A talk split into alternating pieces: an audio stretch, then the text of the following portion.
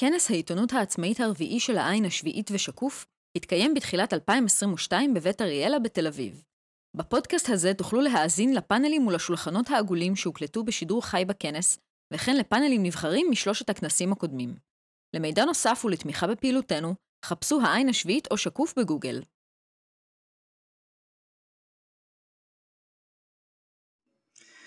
שלום לכולם, אה, ברוכים וברוכות אה, הבאים והבאות אה, לפאנל משבר האקלים. שמח לראות שהחדר מלא למרות התחרות עם גיא רולניק בחדר המקביל. קודם כל אני אציג את עצמי, שמי חגי מטר, אני מנכ"ל עמותת 972 לקידום עיתונאות אזרחית שהיא המו"ל שהיא המו"ל של שיחה מקומית ושל מגזין 972. ונמצאים איתנו, טוב אני שנייה אציג את הדוברים, אה, אני רוצה להתחיל קודם כל מלהגיד אה, תודה רבה לבית אריאלה שמארחים אותנו כאן, אה, תודה לאלה קנטי וקובי אבן חיים שהפיקו את האירוע, לעין השביעית שבמסירות שנה אחרי שנה עם כל האתגרים מפיקים את הכנס הזה שאני חושב שהוא מאוד מאוד חשוב ונדיר. והוא באמת אחת המסגרות היחידות שיש בשביל לנהל דיון כמו זה שננהל פה היום. אנחנו בעצם מדברים על מצב בעיניי קצת אבסורדי שבכלל צריך לנהל את השיחה הזאת. אה, אנחנו ניצבים מול משהו שהוא די בוודאות האיום הגדול ביותר שהאנושות אי פעם התמודדה איתו, אה, אפשרות לא מופרכת לחורבן של אה, כל התרבות האנושית וכל החיים האנושיים על הפלנטה ועם זאת זה פשוט לא כל כך נמצא על האג'נדה של חלקים גדולים מדי מהתקשורת לצערנו האנשים שלא מדברים על זה לא נמצאים כאן היום אבל אספנו חבורה נפלאה של אנשים שכן מדברים על זה.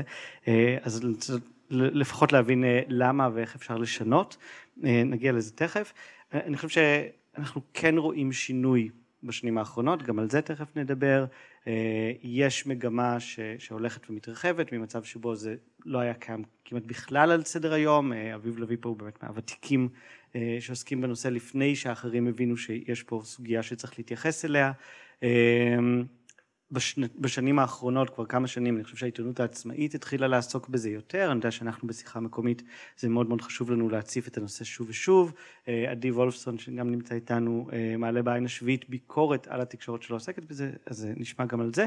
ועכשיו אנחנו מדברים גם על מצב שכבר אה, גלובס כאן הארץ שפתחו בעצם מחלקה שלמה כבר עוסקים בזה באופן יותר משמעותי זה עדיין לא נמצא בכלי התקשורת הגדולים ביותר, אה, בטח שלא בכלי תקשורת מגזריים, אה, בהכנה של הכנס הזה כשניסיתי לגבש את רשימת דוברים נמצא אה, כתבים פלסטינים ערבים שעוסקים בנושא בעיתונות הערבית, מצאתי רק שני אורחים שזה חשוב להם, שניהם בעיתון ליטיחד, העיתון המפלגתי של חד"ש, יש מפלגה קומוניסטית ושניהם לא בארץ עכשיו אז הם לא יכלו להגיע, הם מאוד רצו, בעיתונות החרדית הנושא לא היה קיים בכלל עד שלאחרונה הוא הגיע בתור הקונספירציה שבאה להעלות לנו את המחירים על, על אה, פלסטיק וחד פעמיים אה, ויש פושבק מאוד מאוד חזק נגד זה אז גם אין עיסוק אה, רציני וביקורתי אז זה נושא מאוד מאוד מאוד חסר ואנחנו רוצים לדבר בעצם על למה מה גורם לעיוורון הזה ואיך אפשר לשנות. אז נמצאים איתנו כאן כאמור אביב לביא, אה, מגיש התוכנית תהיה בסדר בגל"צ, כותב על נושא סביבה בזמן ישראל, כתב את המדור הראשון על נושא סביבה במוסף סוף שבוע בעיתונות הישראלית ושזכה פעמיים בפרס לתקשורת ירוקה. אה, עדי וולפסון, פעיל סביבה ומומחה בתחום הקיימות, כותב טורי דעה בוויינט והעין השביעית. אה, יעל געתון, עיתונאית מזה 15 שנה, הצטרפה לשקוף באפריל ומאז מסקרת בין היתר את תחומי התכנון השונים בהיבט של משבר האקלים. ושני אשכנזי, כתבת האקלים והקיימות של גלובס מזה שלוש שנים, מסקרת את המשמעות של המשבר האקולוגי והאקלימי בכל זירות החיים, תוך התמקדות במחדלים ממשלתיים ובפתרונות שבנמצא. אה, המתכונת תהיה שאני אתחיל מכמה שאלות אה, שהכנו מראש לפאנל, אה, ואחר כך נשמח לשאלות מהקהל. אני אתחיל ככה בשלב השאלה הזהה, רק מין introduction, שכל אחד ואחת מכם פשוט תגידו איך הגעתם לנושא? מה הביא אתכם אה, לעסוק בזה? מתי גם? אה, ולמה? בקצרה. אה, טוב, אני אנסה ממש ממש לקצר. זה נושא שמעסיק אותי הרבה מאוד שנים ברמה האישית, אני לא אוכלת בעלי חיים ממשהו כמו גיל 12-13, אה, מכירה את הסיפור הזה שנקרא משבר אקלים, מה שאנחנו מעוללים לכדור הארץ, בטח לבעלי החיים. אני עובדת בגלובס אה, כבר כמעט שבע שנים למעשה, הייתי בתפקידים אחרים. לפני משהו כמו שלוש וחצי, ארבע שנים, בן הזוג שלי ואני נסענו באוטובוס לאנשהו ביום שישי ונתקענו מאחורי הפגנת ענק. אמ, ירדנו מהאוטובוס וראיתי המון ילדים עם שלטים, שלטים שקשורים לאקלים, שאלתי אותם מי אתם, מה אתם עושים פה? אמרו לי אנחנו מצד האקלים, היו שם אה, מאות או אפילו אלפי אנשים התקשרתי לחברים בוויינט, אמרתי להם תקשיבו קורה פה דבר מדהים, יש כאן המון ילדים שמוחים על המצב, על מה שעושים לכדור הארץ, למה אתם לא כותבים את זה? אמרו לי עזבי אותנו מהחברים מחבקי העצים שלך, אותו כנ"ל היה עם חדשות שתיים. הגעתי למערכת שלי, קולגות צחקו עליי ואמרו לי כאילו די למי אכפת מהחברים המחבקי עצים שלך.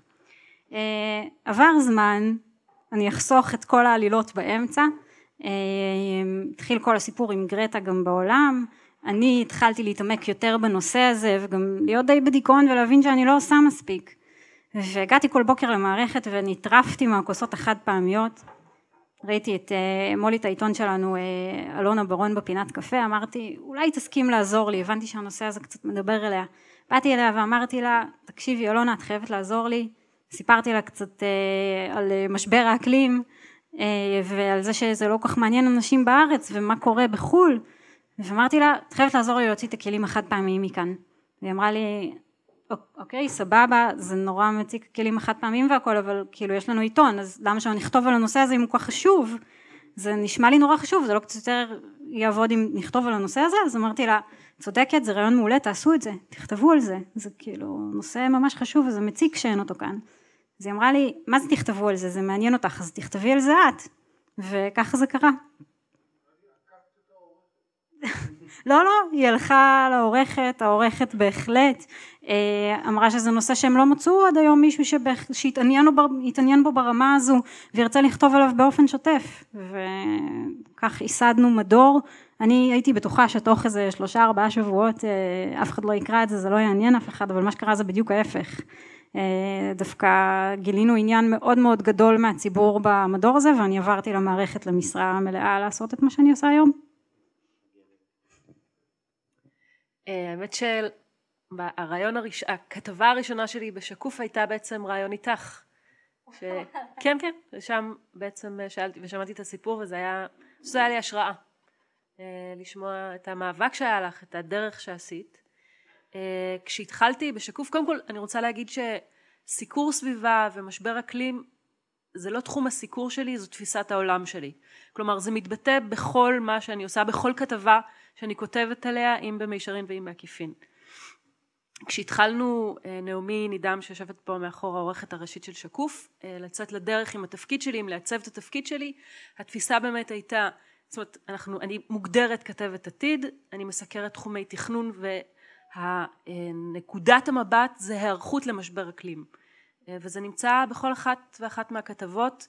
אני חושבת שזה כבר משהו שאפשר להגיד שזה כמעט אצל כל הכתבים אצלנו, חלק מתפיסת העולם, אה, חלק מהמבט העיתונאי על כל דבר. ואני חושבת שזה, זאת אומרת, זה הדבר הנכון. זה לא צריך להיות תחום סיקור, זה צריכה להיות תפיסה אצל כולם.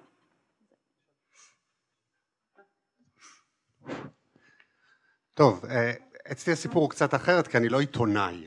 ממש, זאת אומרת, אה, לא יודע איך להגדיר את עצמי בזה, אבל אה, כן, אה, בסדר, אני לא יודע, אני פעם אחת, זה כמו שאני בא לאיזו ישיבה ואני אומר אנחנו, אז שואלים אותי איזה אנחנו אתה מתכוון, זה אנחנו של האקדמיה, זה אנחנו של העירייה, זה אנחנו של זה, זה קורה לי הרבה, אבל בעצם אצלי זה התחיל מאוד מאוד פשוט, כל הזמן עסקתי, עניין אותי הנושא הזה ואני עשיתי דוקטורט בהנדסה כימית ועשיתי את הדוקטורט שלי בתחום שנקרא כימיה ירוקה והבן הבכור שלי שעכשיו הוא כבר אה, מסיים ללמוד אה, והגיע אה, לגן חובה בחטיבה ובאתי למורה ואמרתי לה בואו נעשה משהו עם הילדים, משהו מעניין. אז פעם בחודש באתי, לימדתי תעופה אה, עשינו, בנינו דגם של מטוס, דיברנו על הפיזיקה של זה, כתבנו שיר על זה וערבבנו את הכל יחד ואז באתי אליה שנה אחרי ואמרתי בוא נעשה משהו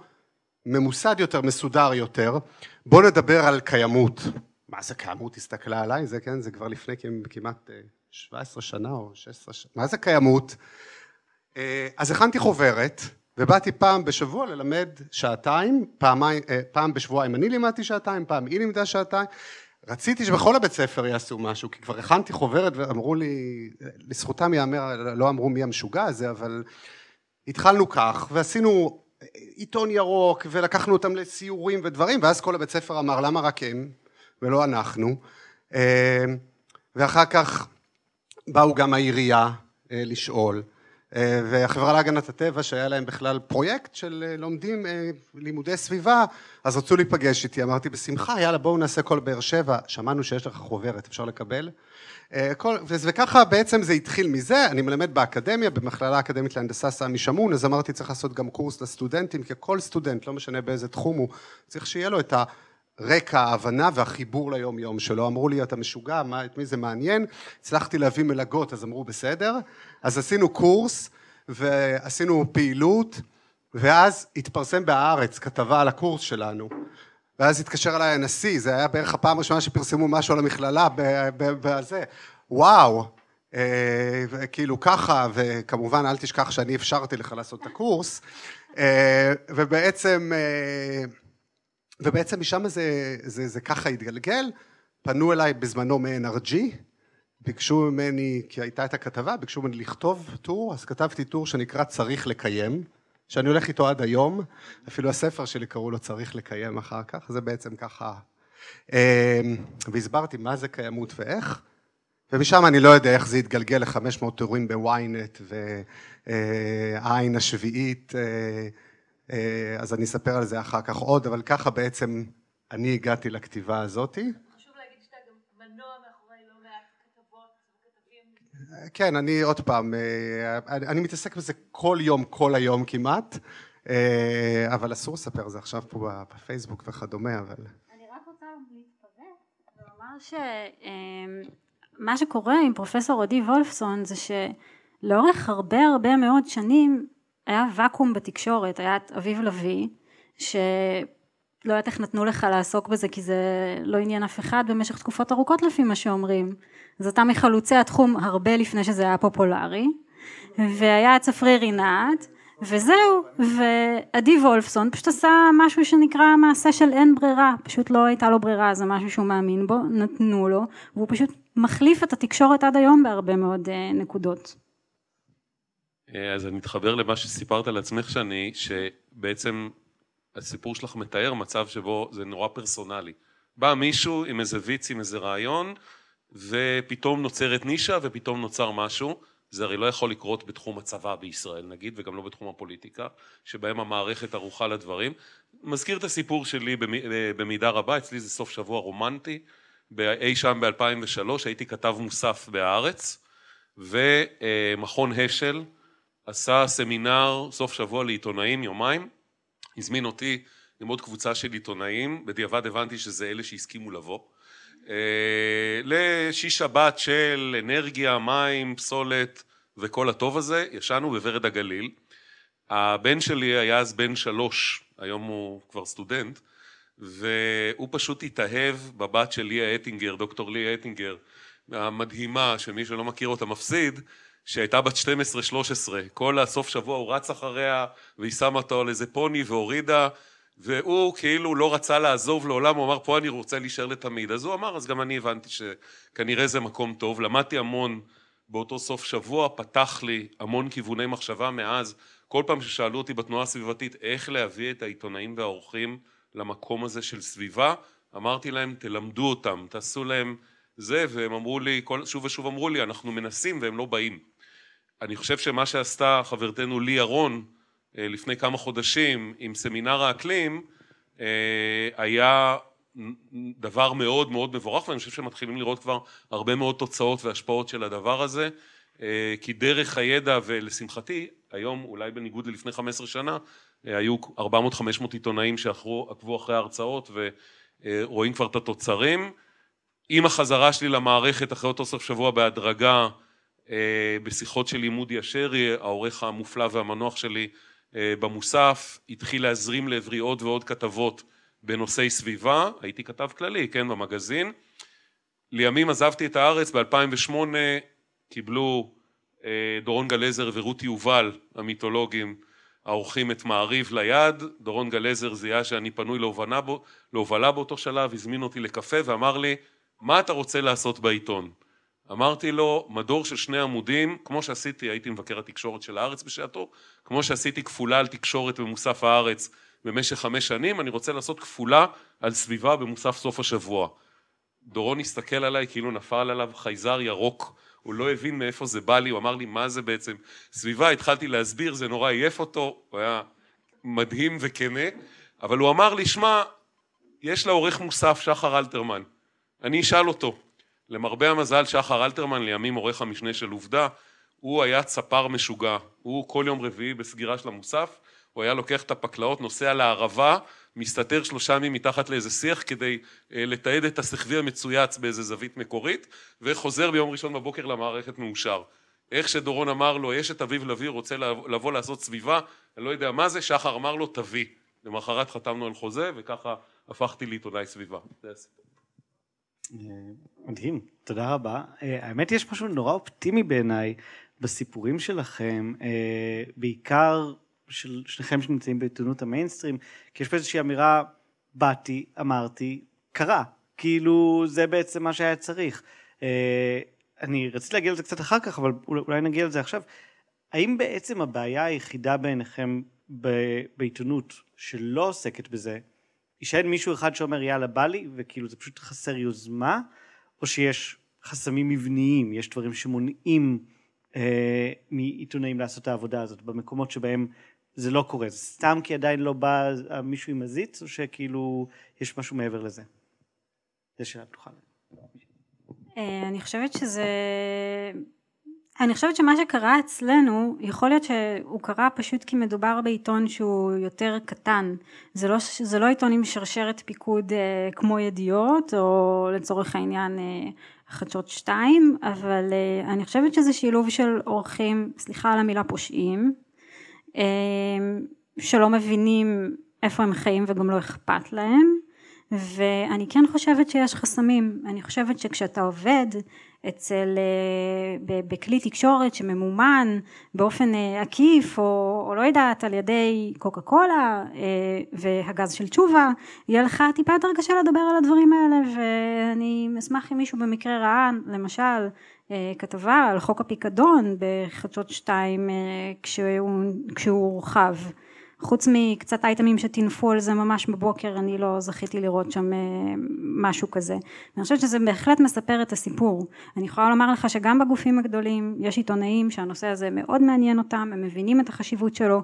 אני כן חושבת שבגלל שהעולם הולך לכיוונים האלה ויש הרבה מאוד לחץ בינלאומי הרבה מאוד אייטמים בתקשורת חו"ל גם בארץ יש יותר אז כבר אין ברירה גם לגופי התקשורת הגדולים והם אה, משתרכים ככה אחרי העניין אבל עדיין אין לך כתבים על הנושאים האלה לא ב-12 ולא ב-13 פשוט כי הם לא רוצים. אם הם היו רוצים מחר בבוקר יהיו שם כתבים וזה לא שכתב אה, במערכת ייכנס עכשיו יתפרץ לחדר של אה, גיא סודרי ויגיד לו אני רוצה להיות כתב סביבה וזה יקרה. כי זה פשוט לא יקרה.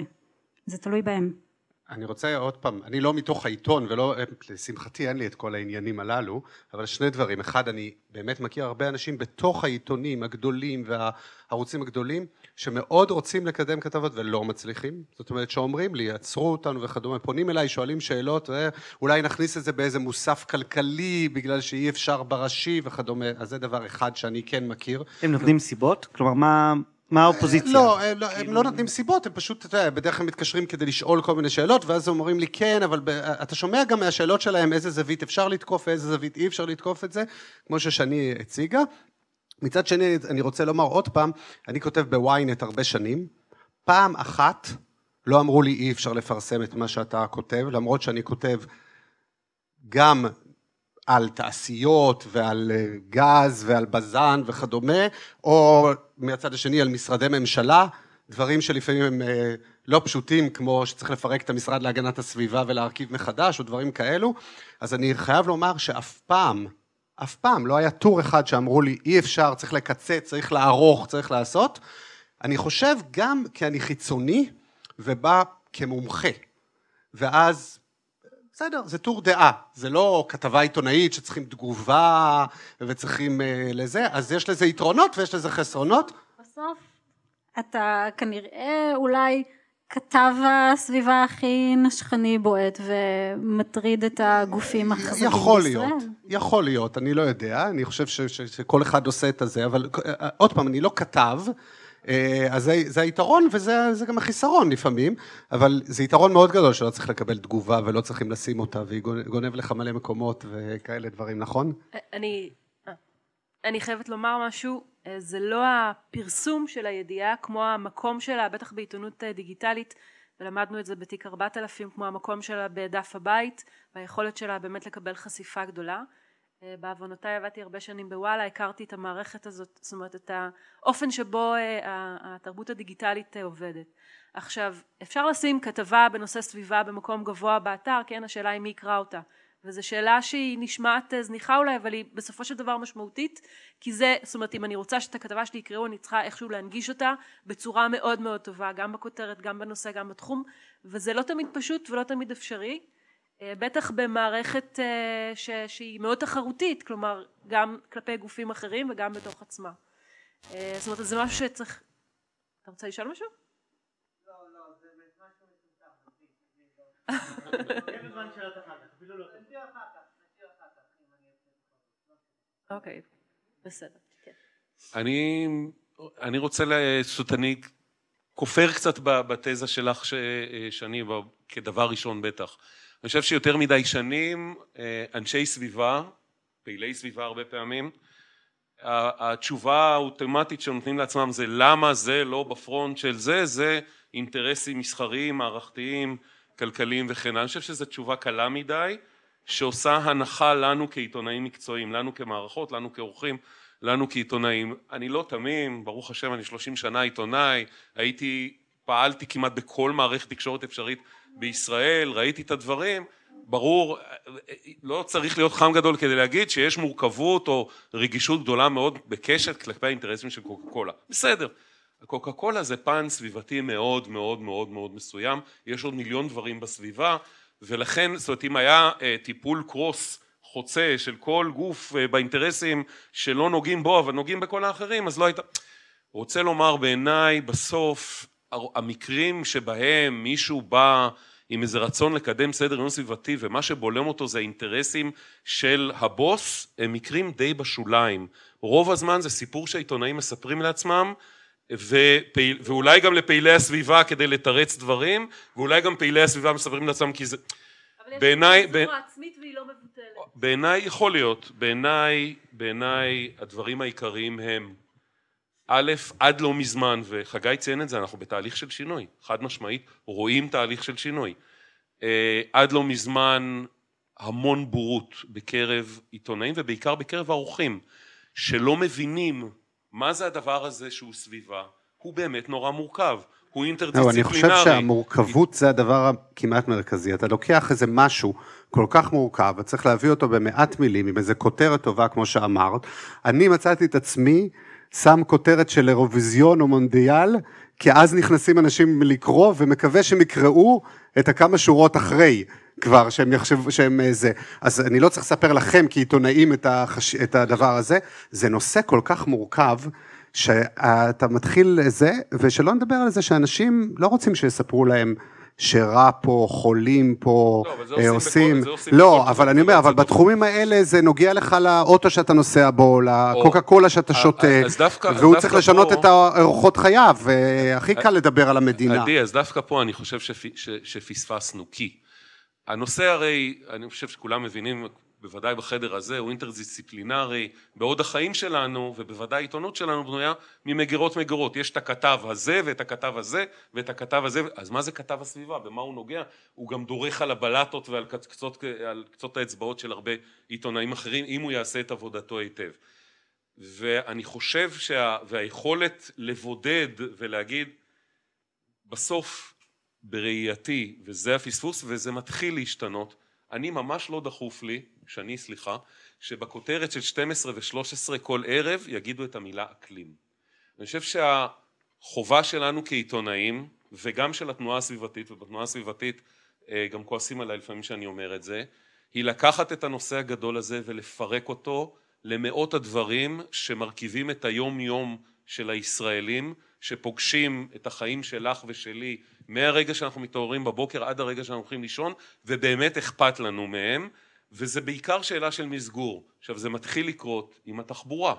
כלומר המשבר הזה שכבר התפוצץ לנו בפרצוף בעוד על משבר האקלים למרות שהוא כבר כאן ונוכח ואנחנו יודעים שהוא כבר משפיע בהמון מובנים אצל רוב האנשים הוא עדיין איזה משהו עתידי שדור הנכדים והנינים יצטרך להתמודד איתו ושבעיקר דובי הקוטב האומללים אי שם וכן הלאה. וכשאני אומר את זה לישראל אני גם מרצה הרבה נפגש הרבה עם קהלים. מדבר איתם על זה אומרים לי עזוב אותי באמא שלך יש לי את החמאס על הראש ויש לי את הזה ויש לי את מחירי הדיור ויש לי את הפקקים. או בואו נדבר על הפקקים. ו, ואנחנו רואים שהתחבורה מתחילה לתפוס נפח בסיקור התקשורתי ומבחינתי זה ממש בסדר כי התחבורה זה אולי הנושא הסביבתי המשבר הסביבתי הכי גדול שקורה היום בישראל. וההשלכות שלו הם לאורך ולרוחב בזיהום אוויר ובכיבוש אספלט וזה על חשבון שטחים פתוחים ו...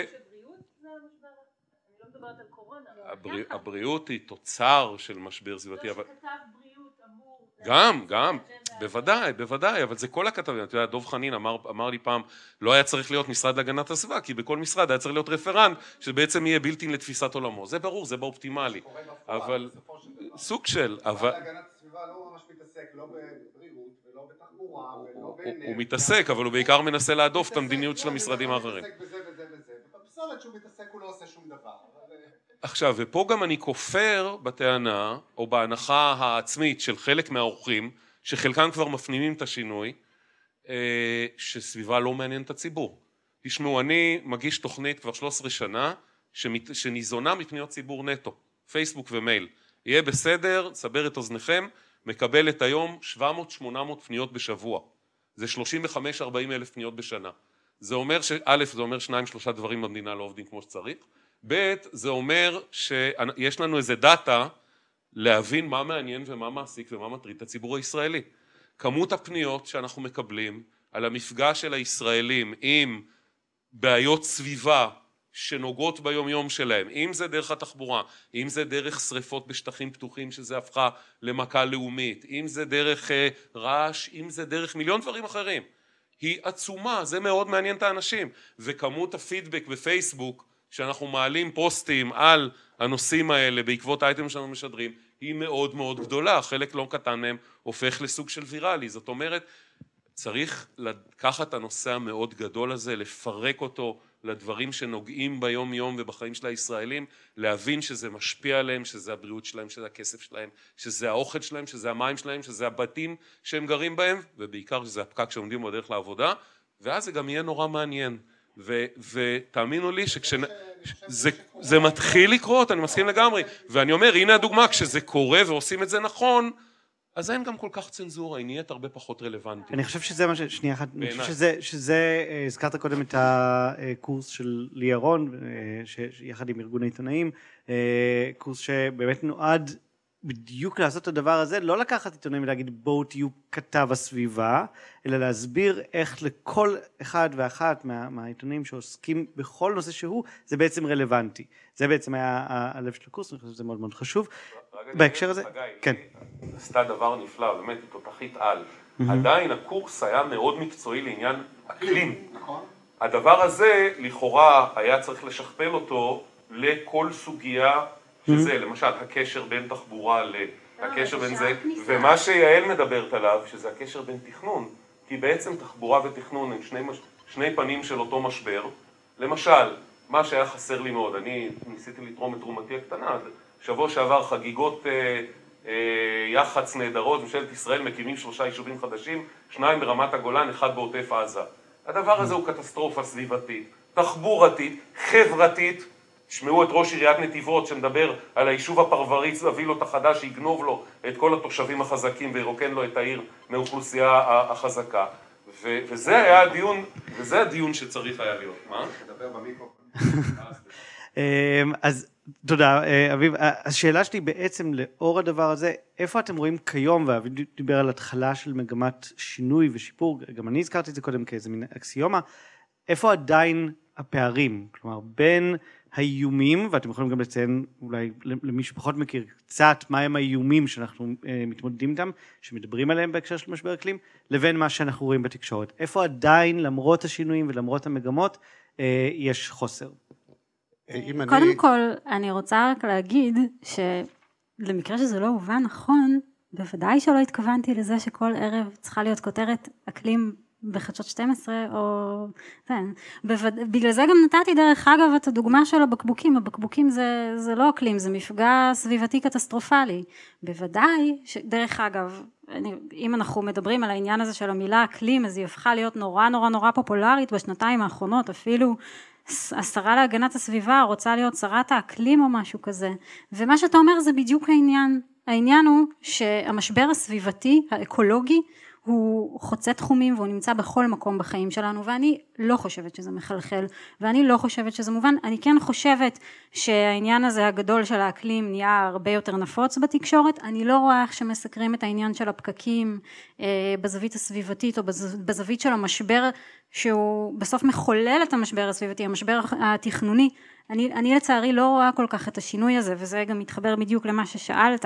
אני רואה שעדיין כתבים כשהם כותבים אה, על אנרגיה או כשהם כותבים על אה, דיור הם בכלל לא מבינים את המכלול של הבעיה וזה בדיוק העניין וזה משהו שאני הייתי שמחה לראות שבשנה הקרובה מפצחים אותו באמת בכלי התקשורת אבל אה, לדעתי כתבים עדיין לא מבינים את זה ועסוקים בסקופים ובסיפורים שהם, שהם קטנים ונקודתיים ולא בהקשרים הרחבים אה, וזה נראה לי הבעיה הגדולה שלנו כרגע. אני, אני חושב שעוד פעם כמישהו שרואה קצת מבחוץ גם אני מקבל פניות מכל העיתונאים כמעט שעוסקים בנושא סביבה יום יומי בעיקר לשאול שאלות כמו מה זה אומר? כי הגיע להם איזה סקופ על, ויש שם איזה שם מפוצץ בכימיה שלא יודעים איך להתמודד איתו ואיך זה קשור לחיים שלנו. או מצד שני מה לשאול את מי שאתה הולך עכשיו לראיין אותו וכדומה או איך להנגיש את זה. כמה כתבים שהם המון. לא כתבי סביבה? לא אני מקבל גם לא מכתבי סביבה שתדעי לך הרבה כולל אה, במגזר החרדי וזה רק שתדעו לכם יש כן זה לא אומר שהכל מבשיל לכתבות אני לא יודע אני לא עוקב אחרי זה זה לא זה שמדברים איתי זה לא אומר שמראיינים אותי ושיש תגובה שלי כן? זאת אומרת זה באחוז אחד מתוך מה שמדברים איתי בסוף יש אה, תגובה. אבל בסוף אה, לא אז יש יש כן עניין אבל אני רואה שני דברים. אחד זה שבאמת זה נושאים שהרבה פעמים נתקלים באיזה מחסום של ידע שאי אפשר להשלים אותו רק מהאינטרנט או משהו כי אתה שוחה בידע עוד יותר מורכב ולפעמים איזה מילה וכתב לא אם הוא אחראי הוא לא רוצה לא לדייק ולהגיד משהו לא נכון שזה. זה נושא הוא, מאוד מאוד מורכב מאוד להבנה, מורכב ומאוד זה ואולי הוא גם. מפחד גם שאחר כך יהיה מי שיגיד שהוא אמר משהו לא נכון. אה, זה דבר אחד. מישהו כמוני למשל. אה, עכשיו הדבר השני זה שבאמת אני לוקח את הצד השני יש בזה הרבה פופוליזם ופייק זאת אומרת הרבה כתבים מעדיפים לקחת איזה עוד פעם את הכותרת היפה או את המשהו שהביאו להם בלי להסתכל על התמונה הכוללת, בלי לשאול עוד שאלות מעבר, להיות חצי יחצנים, לא משנה, זה יכול להיות דרך אגב גם של ארגון ירוק שבא ומספר איזשהו סיפור והוא לא הסיפור המלא. ויש לנו גם אחריות פה, כן, בסוף כולנו עוד צורכים אנרגיה וצריכים מזון וכאלה דברים אז אפשר לזה ובעצם אני רואה הרבה הרבה פעמים שגם כשמסקרים, באמת בסוף אני כמעט יכול לראות את ההודעת יחסי ציבור שקיבלו לפני זה, זה כמעט מדביקים אותה הרבה פעמים. אני, כבר שכן עושים את הסיקור הזה, ואני לא יודע אם שוקי עוד פה, אבל הרבה פעמים אני אומר לו, אולי אתה יכול למצוא את ההודעה שקיבלו העיתונאים, אם לא קיבלתי אותה כבר לפני זה מהעיתונאים, בדרך כלל מקבל אותה ושואלים אותי למה התכוונו כך וכך, אבל פשוט אפשר לראות שחלקים שלמים זה העתקה מההודעה ולא עשו זה, וזה בעייתי גם. זה לא מייחד את התחום הזה. יכול להיות, אני מדבר עכשיו על התחום הזה. יש לי פה סיפור שקרה לי ממש עכשיו. אה, לפני שנתיים המועצה הארצית לתכנון ובנייה העבירה החלטה שכל בניין בארץ למגורים שיקום, כל בניין, אה, אה, יחויב לעמוד בתקן הישראלי לבנייה ירוקה. זו הודעה משמעותית ודרמטית, זה שינוי מאוד מאוד גדול וחיובי ומבורך. לא עוד לא, זה נכנס במרץ 22, אנחנו חודשיים לפני התאריך, אנחנו עוד אופטימיים. אמ, ובאמת העיתונים חגגו, כולם קיבלו את אותו קומוניקט, וככה, כשנכנסתי לתפקיד לפני חצי שנה, זה כבר היה אחרי גל הפרסומים, ו- ובאמת ראיתי שזה פורסם הרבה. ואז התחלתי קצת לנבור, מה זה אומר, את מי זה מחייב, מי יבנה בנייה ירוקה, ופתאום התגלו כל מיני חורים שכל העיתונאים פספסו, כולם בלי יוצא מן הכלל. למשל, בתי ספר לא יחויבו לעמוד בבנייה ירוקה. מה המשמעות של זה? בית ספר שיעמוד בתקן לבנייה ירוקה, הילדים שלו, הילדים שלימדו שם, יש להם פוטנציאל של 20% יותר להצליח בלימודים. 20%. זה דרמטי. או למשל, מי עוד לא יחויב לעמוד בתקן? תעשיינים. ולמה? כי הם הפעילו לחץ להחריג את עצמם. כי להם יש את הכוח להחריג את עצמם. כלומר, זה נושא שהוא מאוד סבוך, זה נושא שגם לי לקח הרבה מאוד זמן להבין אותו, ויש לנו בשקוף את המשאבים האלה לתת לכתבים אה, ללמוד את זה לעומק וזה חשוב. אבל כולם פספסו את זה, כולם התרכזו בכותרת, כולם הפסידו את הסיפור האמיתי שהתחולל מאחורי זה, או למשל את הלחץ שהשלטון המקומי הפעיל בשביל להחריג בתי ספר. כלומר, כרגע מה קורה? הרשויות החזקות, בהם תל אביב, יבנו בנייה ירוקה. הילדים שלי, כן, שילמדו בבתי ספר בתל אביב, ילמדו בבתי ספר שיהיו בנויים בבנייה ירוקה, שיש שם תחלופת אוויר יותר גדולה, ניצול אנרגיה, הם יהיו בתי ספר סביבתיים עם פוטנציאל להצליח. בתי ספר שייבנו בבית שאן לא יעמדו בתקנות האלה, ובואו נראה את התוצאות בעוד עשרים שנה. יש לי חדשות בשבילכם, ילמדו בזום. אה, אז זהו, אגב, בנייה ירוקה זה גם, זה גם דוגמה. אה, לא, אבל זו דוגמה, שוב, כשאתה אומר לרוב האנשים בנייה ירוקה, אז נשמע להם כמו איזה, אוקיי, אז זה בניין שהוא יהיה בגלל שיטות הבנייה החסכוניות יותר יעיל ואנרגטית, אז פחות אה, פליטת גזי חממה וכו' וכו', סבבה, אני בעד, אבל אם זה יותר יקר, אז השאלה אם זה כדאי, אם שימוש יותר טוב בכספי ציבור, אבל ברגע שאתה מנסה לתווך את זה לאנשים כשיפור דרמטי באיכות החיים שלהם, כמו שהרגע ציינת, השפעה על יכולת לימודים, השפעה פשוט על הכיף להיות במבנה להבדיל מהקופסאות חום המטומטמות שרוב מדינת ישראל, ש, שמהוות את הבתים ברוב אה, מדינת ישראל, שאתה צריך או לקרר את עצמך למוות בקיץ אה, או להרתיח את עצמך בחורף וכן הלאה כדי להתגבר על, ה, על הטיפשות של המבנה, אז אנשים מתחילים, וכמובן חשבון חשמל באופן מיידי וכן הלאה, אז אנשים פתאום נפתחות לעיניים, אומרים אוקיי, זה משהו שגם כדאי לי ואני רוצה אותו. חד, חד משמעית, אז אני אומר, זה, זה, אני חושב ש...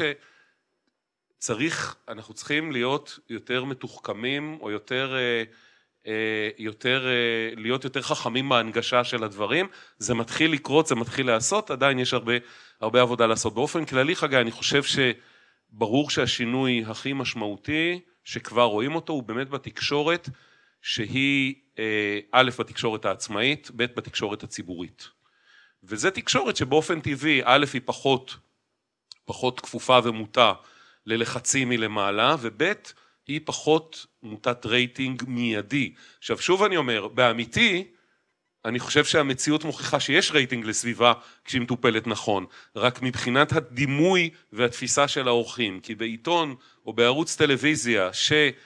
הם צריכים להביא תוצרת מיידית של נקודות ערב ערב ברייטינג ואיקס צופים, העורכים ייטו באופן טבעי הרבה פחות להרפתקאות או למשהו שלהם באופן אישי נראה כאפור ופחות מעניין. דורון גלזר שהבאתי אותו, לכאורה שמתי אותו בצד, אבל הגדולה שלו הייתה שהוא אמר אני לא מבין בזה אני אפילו לא בטוח שאותי באופן אישי זה מעניין, אבל יש פה עיתונאי שאני סומך עליו, יש פה עורך שאני סומך עליו, ואני יודע בחושים שלי בבטן להרגיש שיש פה משהו נכון שאני צריך לתת לו את הבמה. יש מעט מאוד עורכים כאלה בעיתונות, זה טבעי גם, יש עורכים גדולים. גם, גם אז רצו למכור הרבה יותר עיתונים, זה אני לא בטוח שזה מאוד השתנה. ו, וזה, זאת אומרת, ו, ולהיות העורך הזה שנותן מקום, ולכן שוב ההשכלה או התיווך לאורחים ולעיתונאים עצמם כדי שהם ירגישו שזה משהו שהם פתוחים ללכת איתו גם בפריים טיים של, של ערוץ מסחרי אה, זה בעיניי מפתח להצלחה. ו... כן שנייה אני, אני כן רוצה אה, רק חלקכם התייחסתם בעצם לשאלה המקורית שהייתה מה חסר כרגע כלומר כשאתם מסתכלים על טלוויזיה אתם מסתכלים על טלוויזיה אתם מסתכלים על ידיעות אחרונות או ישראל היום מה אין מה הדברים שלא כותבים עליהם? מה הייתם רוצים, אז אתה אביב נותן תשובה חלקית, אתה אומר, בעצם צריך לעסוק בזה בכל תחום ותחום, מתוך הפריזמה הזאת. אני אשמח, ל... וגם את אמרת, נכון. לגמרי. אז השאלה אם אתם יכולים לתת, לתת עוד דוגמאות של מהם הדברים שאתם רואים מהסיקור שלכם, מהמחקר שלכם, ש, פשוט לא, לא נוכחים. כלומר, שאתם פותחים עיתון והם לא נמצאים שם, פותחים מהדורה והם לא נמצאים שם, והם חיוניים לחיים שלנו. אני רוצה להגיד משהו בהפוך על הפוך, כן? מדברים הרבה על משבר האקלים עכשיו, אז הוא נוכח בכותרון, כי זה משבר, ושני אמרה, השרה רוצה לראות שרת האקלים, וכדומה וכדומה. משבר האקלים זה לא רק סופה, שיטפון וגל חום, זה משהו יומיומי, זה החמצן באוקיינוסים, זה הפחמן הדו-חמצני שמחמיץ את האוקיינוסים, זה המגוון הביולוגי, זה, זה באמת אין סוף דברים, ואנחנו או באפס או במאה, זאת אומרת, כאילו, יש איזה מין, או שזה עכשיו היה גלסגו, אז כולם דיברו וזה פתח, אבל לא אמרו כמעט כלום, זאת אומרת, נשארו בכותרות, אז בסדר, כותרת זה כותרת, אבל בסוף, אפרופו מה שאמר אביב, איך זה קשור אלינו חוץ מ... יהיה עכשיו בחורף אה, שיטפון, כבר הבנו מה אנחנו הולכים לעשות עם זה, צריכים להתמודד, או לחילופין המדינה לא עושה כלום למרות שזה. אלה הדברים שאנחנו שומעים. אבל אני הייתי רוצה יותר לראות איך באמת הדבר הזה, שנקרא למשל, אני בכוונה לוקח משבר אקלים, נקרא משבר אקלים והוא כזה גדול, איך הוא משפיע? כשאני ראיתי בחדשות 12 שיונה לייבסון עשתה כתבה שהייתה כמו סרט לא, זה חשוב, זה מאוד חשוב, היא הציגה, אבל זה היה רחוק, זה היה שם, זה נראה כאילו אפוקליפטי, כאילו זה לא קורה פה. מה עם ים המלח? מה עם אנשים שחיים פה ובקיץ אין להם כסף לשלם על המזגן שחייבים פה במשך חצי שנה? למה אותם אנחנו לא רואים בתמונות בעיתונים? למה אליהם העיתונאים לא מגיעים ושואלים איך משבר האקלים משפיע עליהם ביום יום שלהם? אז אני חושב שזה מחבר גם את מה שאביב אמר, זה קשור ליום יום, לכיס שלך, לדברים שלך, למה אתה צורך, לאיך אתה עושה. ועוד, אני יודע שזה מין איזה שאיפה, סליחה שאני אומר, קצת מטומטמת של מישהו שזה, אה, אבל לי תמיד יש את השאיפה שאנחנו צריכים גם קצת לחנך את הציבור.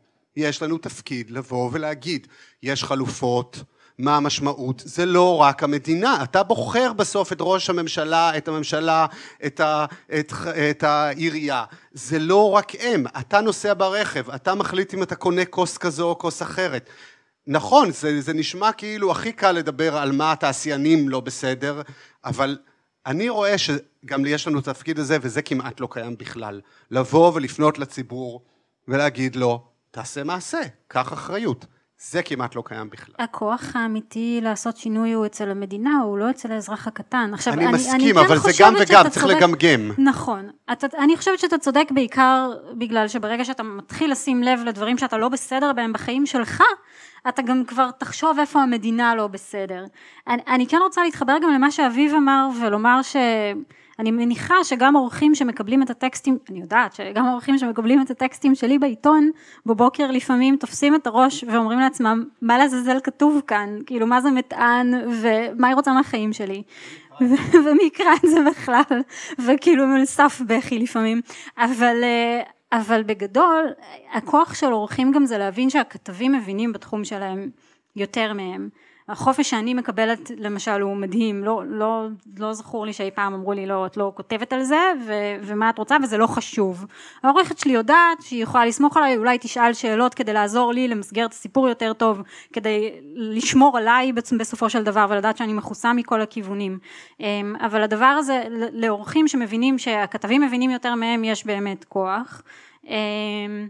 ואני רוצה לומר לגבי מה שאתה אומר אדיר, שבאמת בסוף לדברים של היום יום ואני אומרת את זה ואני טיפה מכה על חטא כאן כי אני באמת נכנסתי לסיפור הזה מהכיוון של האקלים ואני כותבת הרבה מאוד על אקלים. אני כותבת גם על הדברים על הדברים הנקודתיים לכאורה שמשפיעים על החיים שלנו ועל היום יום. אבל אני חושבת ששם בסופו של דבר גם אני וגם העיתונות צריכה לשים אה, הרבה יותר מהמשקל, כי זה מה שיגרום בסופו של דבר לשרה להגנת הסביבה וגם לשרות ולשרים האחרים לא לקשקש על אני רוצה להיות שרת האקלים אלא לטפל בפסולת. אנחנו מטמינים 80% מהפסולת שלנו, אה, שורפים כאן פסולת וגורמים, יש, יש יותר מ-2500 אנשים שמתים בשנה מזיהום אוויר בישראל משלל סיבות וזה פשוט המתים המושתקים. אף אחד לא שם לב לזה אף אחד לא מדבר על זה כי השרים עסוקים בפופוליזם ובדברים שהם יותר למעלה וגם לנו יש, יש אחריות לזה. אז זה נגיד לא נכון. וזה לא נמצא גם... מספיק אה, בשיח אז זה מה שחסר בתקשורת שהתחילו להתעסק בחיים. אני רוצה רגע להתייחס למאיפה יבוא השינוי אה, ולהציע פה אה, איזשהו רעיון. השינוי יבוא מהנוער היום התנועה הסביבתית אז בני הנוער היא חסרת תקדים בהיקפה. אני חושבת שברגע שהם יתחילו להשתלב בעמדות כוח נתחיל להרגיש את השינוי כי זה לא יהיה רק משוגעים לדבר זה לא יהיה רק אנחנו קומץ שמגיע לפה בשישי בבוקר אה, ו- ומבין בכלל על מה מדובר כן? זה יהיה כולם כי הם מכירים את זה הרבה יותר מאיתנו. תראי הם אוטוטו השתלבו כבר בגלי צה"ל השתלבו ב- בעמדות מפתח. לא באמת אני חושבת שגם זה מתחיל זה, זה יחלחל כמו שאומרים מלמטה. אה, אני חושבת שזה העתיד שלנו באמת יש לי עוד המון שאלות, אבל אה, אני מודע גם לזמן ואני רוצה קצת לתת זמן לקהל. אה, אז אה, נעבור לשאלות מהקהל. אני רואה שכצפוי יש הרבה. אז רגע, שנייה, נעשה מין סדר כזה, נתחיל ממך. ו- סיבוב כזה.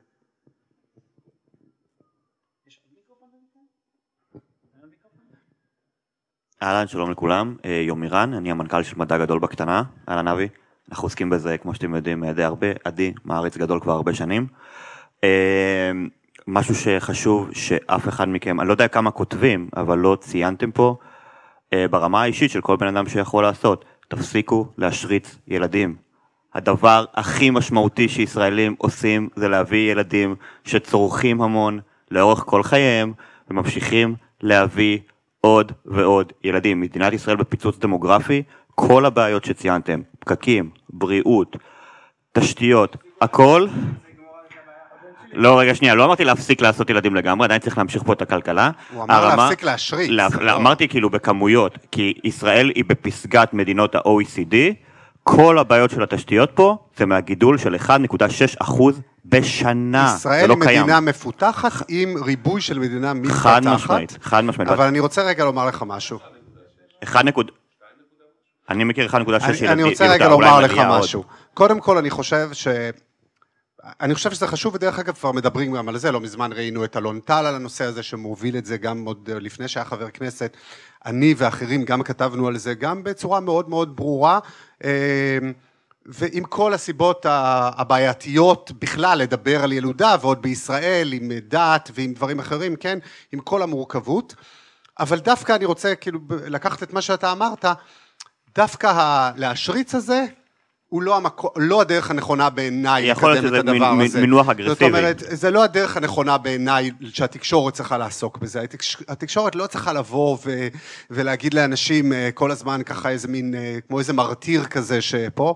צריך למצוא את הדרך הנכונה לשקף להם מתוך המציאות, אפילו את מה המשמעות שלהם, שיש להם עוד ילד מבחינת התקציב שלהם, מבחינת מה שהם יכולים לתת לילד, עוד לפני אפילו הצריכה. זאת אומרת, לא צריך, אה, אני מרגיש שלא תמיד אנחנו יכולים לבוא רק ב... עוד פעם, להפוך להיות איזה מחבקי עצים.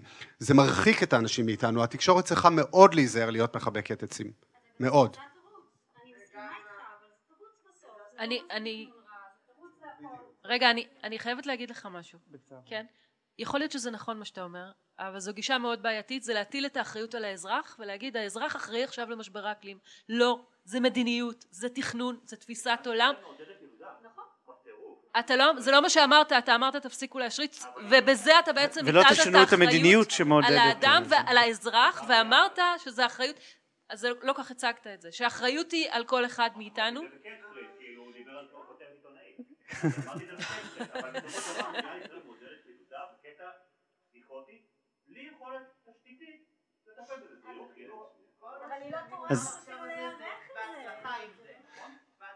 רק, אני רק, אה, להגיד, אני בעד תעשו פחות ילדים, אני חושבת שזה מאוד, זה גם חשוב להבין שיש כושר נסיעה מוגבל לכוכב שלנו, אבל בסוף אני חייבת לומר שגם עם הרבה פחות ילדים, הממשלה הנורא גאונה שלך עדיין הייתה בונה כל מיני יישובים מנותקים בפריפריה, לווילות מיותרות, לכל מיני אנשים.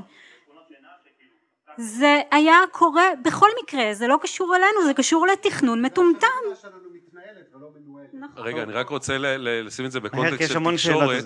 כן, כן, לא, אני אהיה קצר. אחד, מה שאמרת הוא נושא לוויכוח מאוד מעניין, למשל, בין פרופסור אלון טל שמוביל את הקו הזה בישראל והקים עמותה צפוף וכן הלאה, לבין דב חנין שאומר, הפוך לגמרי, אומר, אם אנחנו נתנהל נכון, אז אם יהיו לנו ארבעה או שלושה ילדים, זה לא העניין. אנחנו, זאת אומרת, כן אפשר להכיל, וזה ויכוח מאוד מעניין. אני כן איתך במובן הזה שצריך לנהל אותו, כי הנה דוגמה לוויכוח שנוגע בחייו של כל אחד, שעושה את הקונטקסט הנכון בין ההתנהלות היומיומית שלנו והחלטות, גם אישיות וגם מדיניות של אווירה ציבורית, אה, עידוד וכן הלאה, לבין ההשלכות של זה. אני לגמרי בעד לנהל את הדיון הזה. אה, אני הייתי פחות נחרץ ממך לגבי מה השורה התחתונה שלו, אבל זו עמדה כמובן לגיטימית. אה, אוקיי, נמשיך כאן, ואז נגיע לך. קודם כל רציתי גם להגיב על הנושא הזה, אני אגיב את זה נורא בקצרה. יש המון המון רגשי לנושא של ילדים בארץ, אז זה יהיה קשה מאוד מאוד לשכנע. עזבו רגע את הדדים, הקרוב משפחה שלי עומד להיות לי מיד רביעי. אז, אה, אז יש כזה את כל העניין של היסטוריה ודברים כאלו. אז עכשיו אה, אני רוצה גם להתייחס למשהו אחר, שמשהו. פעם דיברתי עם קרוב משפחה שלי שקורא עיתונות, הוא אוהב לקרוא עיתון, והוא אמר לי שהוא קורא רק את, רק את הכותרות ורק את האותיות הגדולות.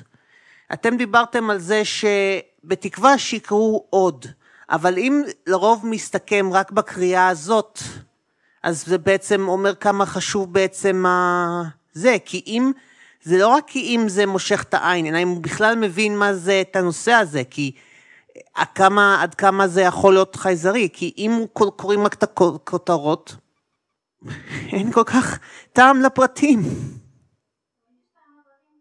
יש טעם לפרטים, אבל... יש כאלה שלא יקראו את הכותרת, אה, וחוץ מזה גם צריך לעשות עבודה טובה בכותרת, ברור.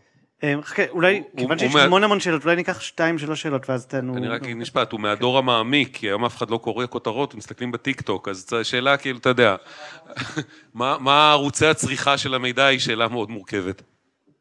היי, נעים מאוד, אה, נעמי, עורכת של שקוף. רציתי להגיד משהו אחד ולשאול. אה, גם להגיד כדי ככה לעורר עוד את האופטימיות, אנחנו בחרנו את התחום של יעל בזכות אה, באמת אה, התומכים שלנו, שחלק מבחירת אה, נושא הסיקור היא בעצם על בסיס משאל, וביקשנו מהם להחליט מה הכי חשוב להם, ונושאי איך בונים את המדינה שלנו, מי שיודע להגיד את זה ככה, ועד משבר האקלים בספקטרום שבין כל אחד ואיך יודע להגדיר את זה, הבנו שזה משהו שמאוד בוער באנשים, אז תדעו שזה כן, זה מעניין אנשים. אז אני מאוד מחזקת גם את מה שאביב אמר.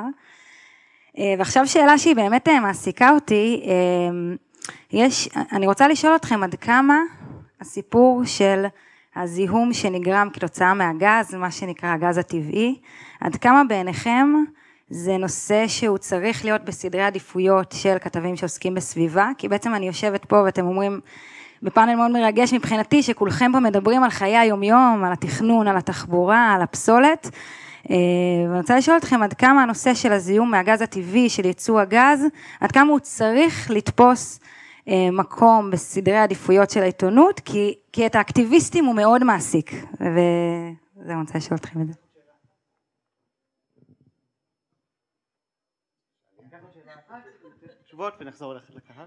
שלום, אה, אבי בליזובסקי, עורך אתר הידן, עיתונאי אה, סביבה כבר 40 שנה, עוד מ-1983 הייתי בכלבו.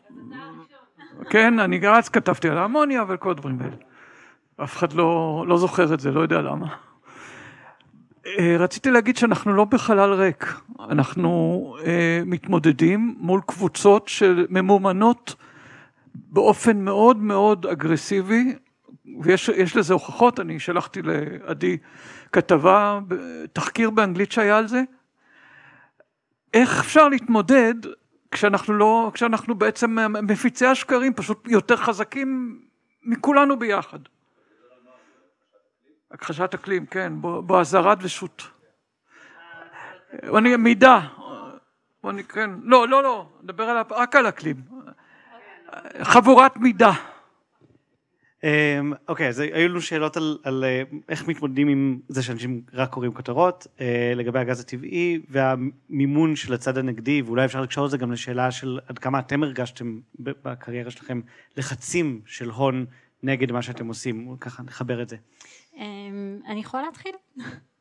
קודם כל לגבי הלחצים, אמ, אני רוצה לומר שיש לחצים, אני ברמה האישית לא מאוד מרגישה אותם, כן, מתקשרים אליי הרבה, צועקים עליי, אני יודעת גם שמתקשרים לעורכת שלי וצועקים עליה מחברות הדלקים אה, המאובנים, אבל אמ, זה מעולם לא הפריע ממש אה, לכתבות שלי, זה אנקדוטלי, יכולה לספר לכם שיש דובר של חברת דלקים מאובנים מאוד רצינית אה, בישראל שביקשתי ממנו לענות על כל מיני שאלות שקשורות לחברה הכל כך שקופה שלו שהוא טען שהיא לא חסויה בכלל והוא אה, צרח עליי באיזה התקף היסטריה שגם אם היו לו תשובות לשאלות שלי אני העיתונאית האחרונה שהייתה מקבלת אותם הוא היה הולך למתחרים כי אני עיתונאית שאי אפשר לעשות איתה עסקים אה, יש כל מיני דברים כאלה אה, אבל בסוף זה לא, זה הכל שאלה של איך אה, הבוסים שלך מתמודדים עם זה. אני רוצה לומר משהו על, על, על הגז הלכאורה טבעי את שואל, זו שאלה מאוד טובה כי התחושה היא מצד אחד שזה נושא נורא נורא נורא מורכב ולהסביר אותו זה נורא מורכב למה אני חושבת שחשוב להתעסק ולעסוק בזה עוד ועוד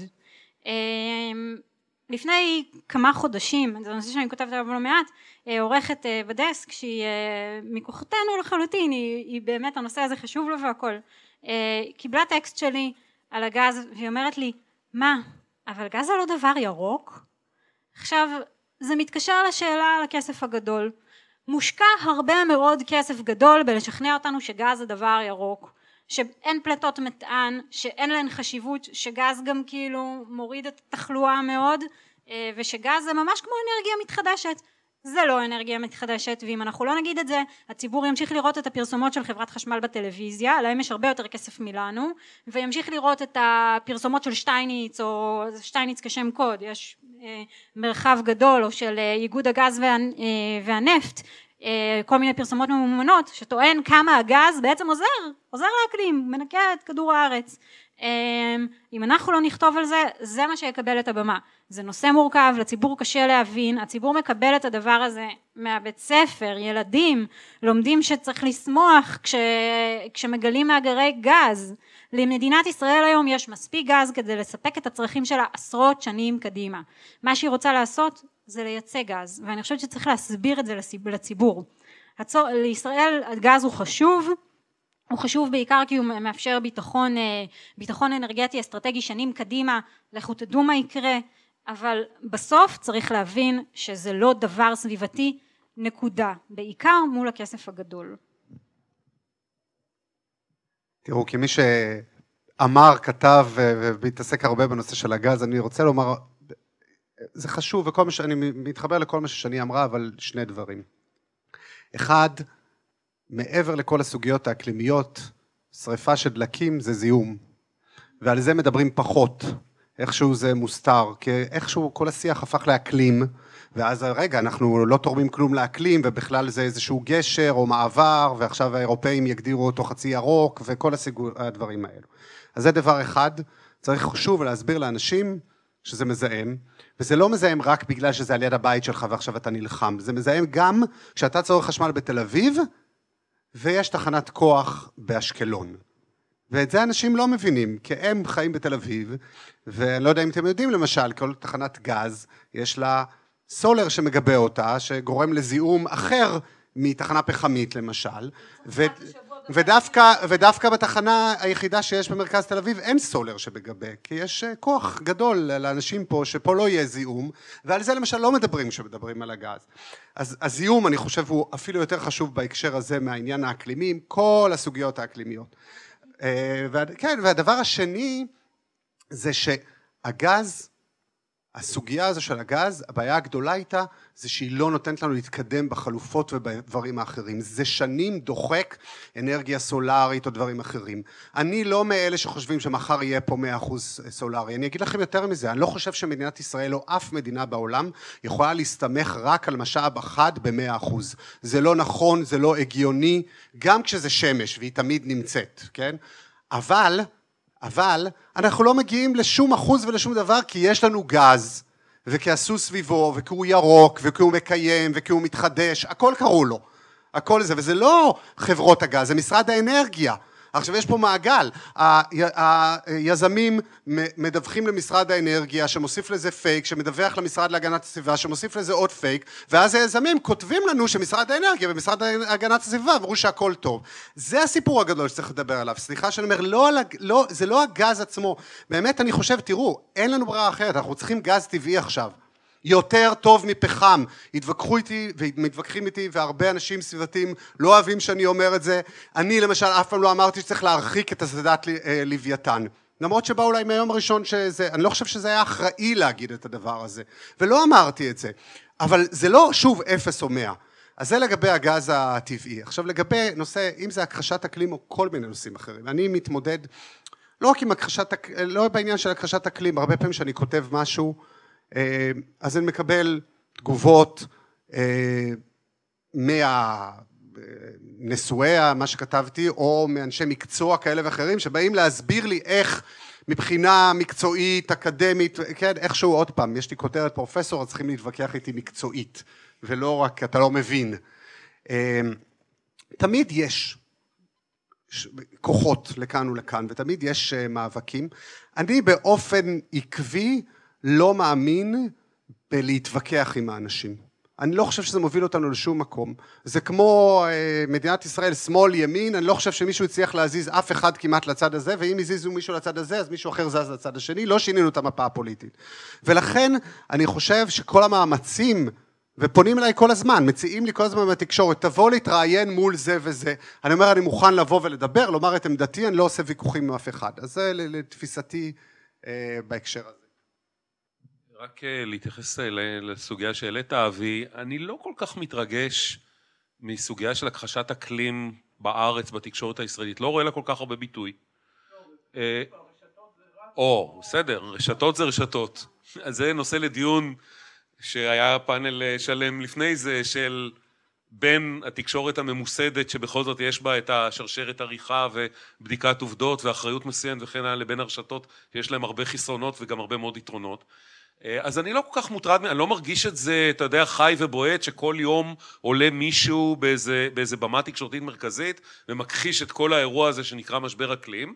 אני חושב שהדבר העיקרי הוא שפה ושם זה כן קורה בצורה של סימטריה, כשזה עורך, כמו שעדי זה, מציע, מציב פאנל או איזה, או איזה ראיון דו, דו בין אחד עד נגד, אז צריך אה, או בצורה של תגובות, או אני לפעמים מנסה לעשות את זה מאחורי הקלעים, זה אנשים שיש לי דיבור איתם להגיד חבר'ה אין פה סימטריה, יש מדע, המדע יש בו קונצנזוס כמעט מוחלט, אה, יכול להיות אגב שיום אחד עוד חמישים או מאה שנה יתברר שמכחישי האקלים צדקו אבל הדוגמה שאני נותן לאורחים או למי שמתדיין איתי אני אומר שמע אה, הייתה לי בעיה רפואית הלכתי למאה הרופאים הבכירים בעולם 99 אמרו לי אתה צריך לעשות x אחד אמר לי אתה צריך לעשות y כאדם אחראי אני קרוב לוודאי שאני אעשה מה שהתשעים ותשעה אמרו. אמרתי זאת צריכה להיות הגישה שלכם ברוב המקרים אורחים כשאומרים להם את זה ברוח טובה ובזה הם, הם, הם, הם מבינים וזה לא ואני רואה את זה קורה פחות ופחות. את הסימטריה שעליה כמובן הכחשת האקלים בתקשורת האמריקאית עלתה כפרחה אה, הרבה מאוד שנים. אני חושב שזה קורה מעט מאוד בארץ לפחות לפי המעקב שלי אני לא צורך הכל. עוד משהו ש... אוקיי כן אה, אז ניקח עוד שלוש שאלות. אה, לי יש יש לי שתי הערות, לא שאלות. אה, הערה אחת או מחשבה היא שבעצם הסיקור העיתונאי של משבר האקלים צריך אה, לגעת לא רק באקלים בנפרד, אלא אתם קצת אמרתם את זה במילים אחרות, אבל אני חושבת שכדאי אה, מאוד מאוד לחבר אותו לנושאים אחרים, שהם בעצם הטירוף שבו אנחנו חיים, של צריכה עודפת, שהיא גם התוצר שלה זה הזיהום, זה, זאת הפסולת, אלה הפקקים. הצריכה המטורפת שאנחנו חיים בתוכה פוגעת בנו, ולא רק באקלים, היא פוגעת בנו חברתית, היא פוגעת בנו כלכלית, היא פוגעת בנו בריאותית והיא פוגעת בנו נפשית, יש פה פשוט ציבור שלם של זאת מחלת נפש, זאת בעיה קשה מאוד שכולנו סובלים ממנה ונראה לי שמאוד כדאי שבסיקור יעשו, תעשו הרבה את החיבורים האלה ולא לדבר על אקלים או על סביבה כאיזה נושא נפרד. אה, ההערה השנייה שלי אני רוצה רגע לחבר לחוויה אישית שלי, באתי לכאן ואתם מאוד מאוד חשוב שיש אתכם וה, אה, והכנס אה, מאוד מאוד חשוב. לי באופן אישי היה ממש קשה להקשיב בהתחלה, כי אה, תחשבו שאתם באים לכנס שבו עושים סיקור של נזקי עישון ויש סיגריות מונחות על השולחן. אני לא יודעת אם אתם הבאתם, או ששמו לכם. לא, אני, אנחנו הבאנו, אני, אבל ואתם, זה... ואתם, רגע, ורק אתם לא מיוחדים בזה, ואני נתקלת בזה המון, עשו אה, בכאן, בחדשות 12, באו פעם לסקר את המיזם הסביבתי שלי, יש לי איזה מיזם שקשור לבזבוז מזון, באה לי אברמוביץ' והצוות שלה, וכולם עם כוסות חד פעמיות באות ושמות את זה ליד המקרר השיתופי סביבתי שלי. אה, אני חושבת שחייבים לתת דוגמה, חייבים.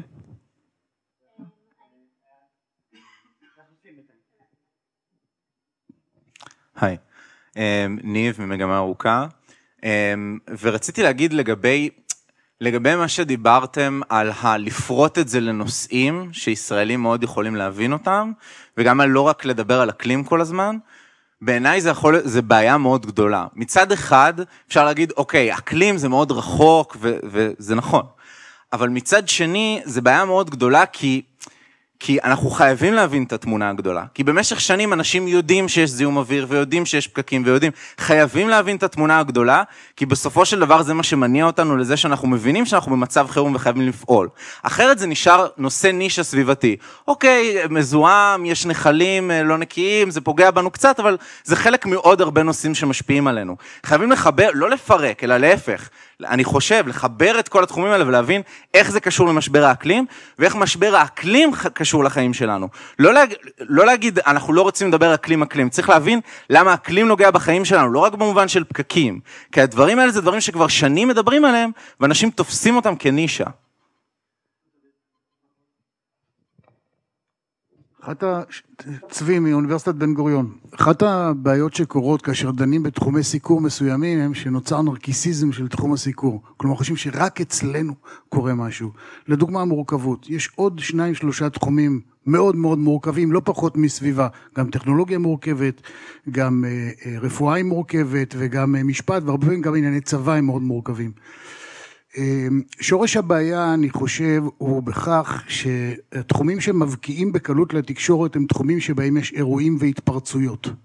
ואילו תחום הסביבה הוא תחום של תהליכים, אה, וכמו הרבה אה, דברים חשובים שהם איטיים ומעצבים את החברה והם מאוד מאוד משמעותיים, קשה להם להיכנס, קשה לעשות כתב לענייני מזעור, או כתב לענייני פמיניזציה, או כל מיני תהליכים אחרים שקורים לאט. זה שורש הבעיה, ולכן תחום הסביבה מצריך מתווכים מאוד מאוד מוכשרים שידעו להשתחל בכל זאת לתוך אה, מערכת אה, עיתונאית שמרוב חיפוש אחר אירועים והתפרצויות הופכת להיות אפתית לתהליכים.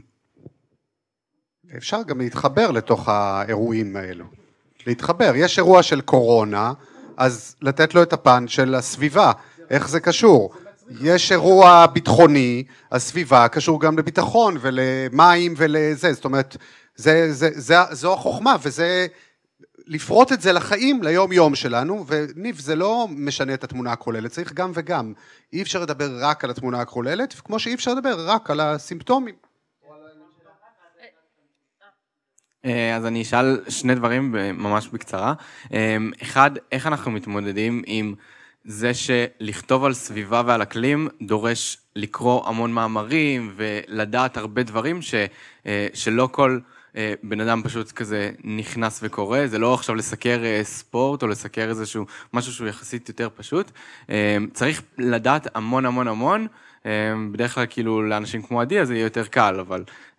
ואז אנחנו מתקשרים אליו באמת. כן, ומהצד השני גם יש את הקוראים, שפתאום קוראים כל מיני מילים מוזרות ושהם מעולם המחקר, וקשה לקרוא את הכתבות האלה, ואז אנשים פשוט מוותרים, ונהיה פה משהו שהוא פשוט קשה לכתוב עליו, ואנשים לא יקראו, אז איך מתמודדים עם זה?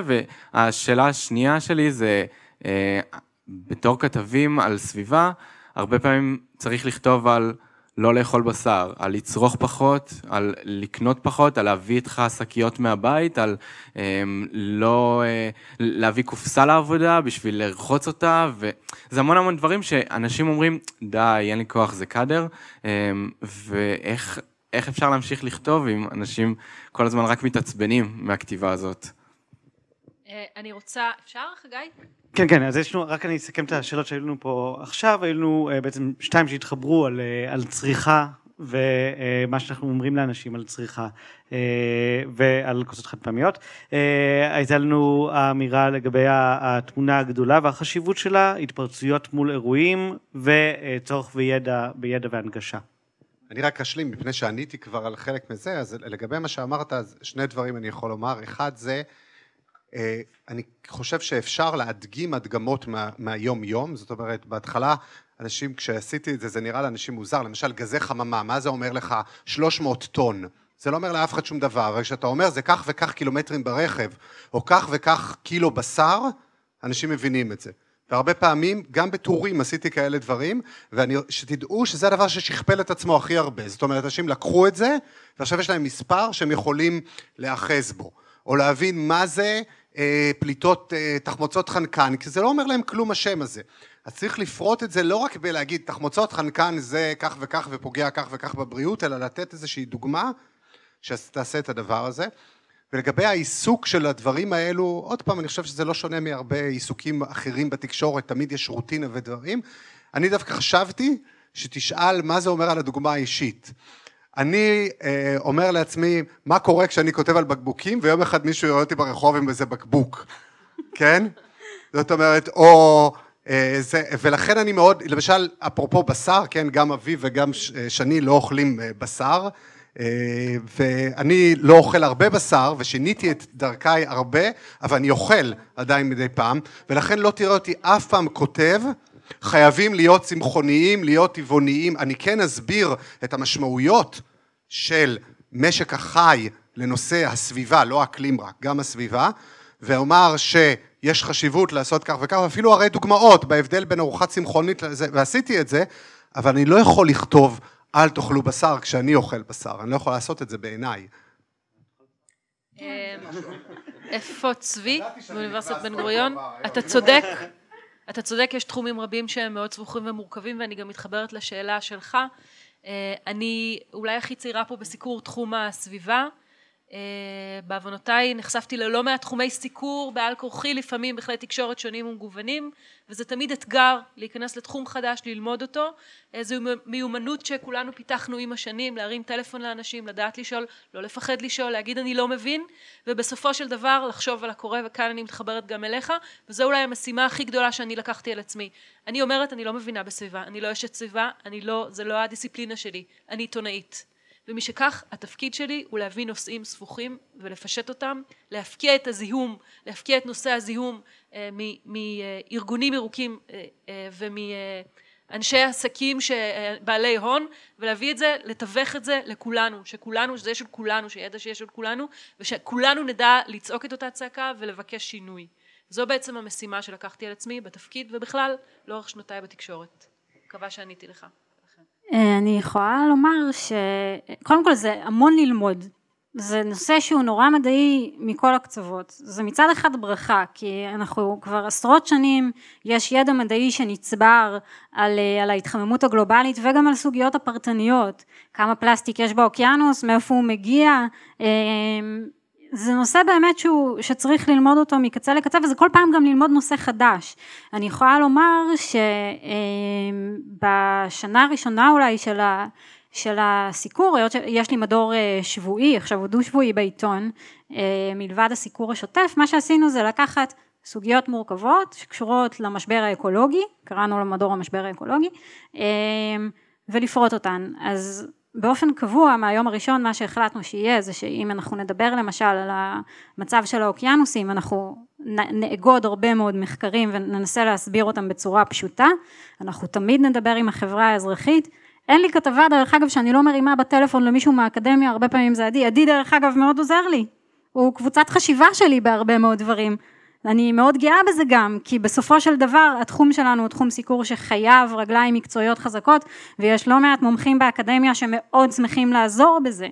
אמ, אז זה אכן דורש הרבה מאוד למידה והרבה מאוד השקעה, יותר, אולי הרבה יותר מכתב, מכתבות שהן כתבות ניוז רגילות, אמ, וזה דורש בהחלט, כמו שיעל אמרה, להרים טלפון לאנשים הנכונים ולבקש מהם, לבקש מהם להיות קבוצת עזרה שלך בדבר הזה.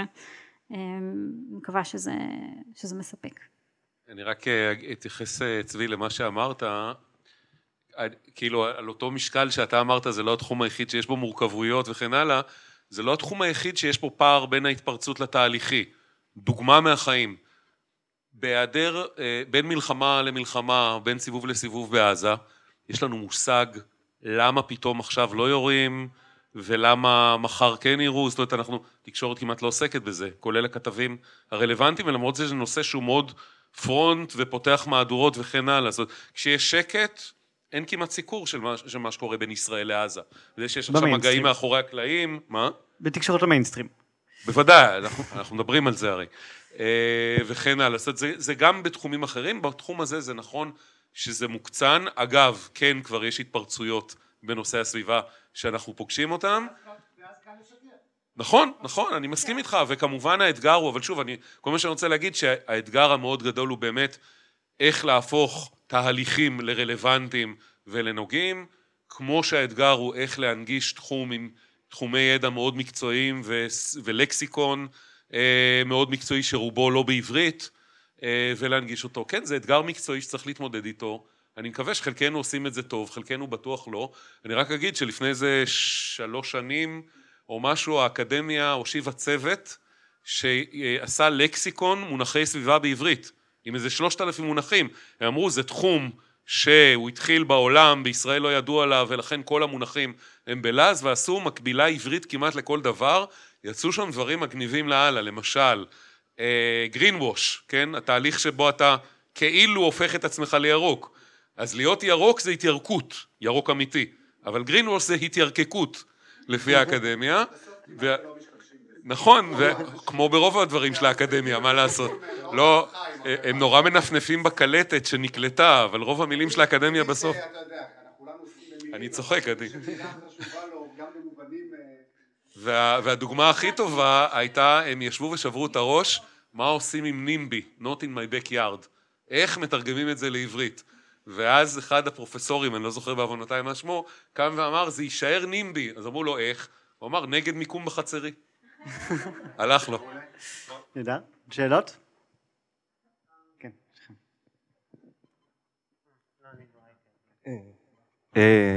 יחייב, לא, לא שייך לשום ארגון. אני מודה שעשיתי את מה שאמרתם פה וקראתי את הכותרת, והכותרת הייתה לגבי זה של, זה לא כל כך משנה, אני חושב, כן? זה לא משנה אם ניסע באופניים ולא נאכל בשר, והאחריות היא מעבר לאדם הפרטי. יכול להיות שאני גם מבלבל, כי קראתי רק כותרת, אבל מעניין אותי לשמוע אתכם מה המחשבה בין האחריות האישית, הדברים שאני יכול לשנות, לבין האחריות התאגידית, ציבורית.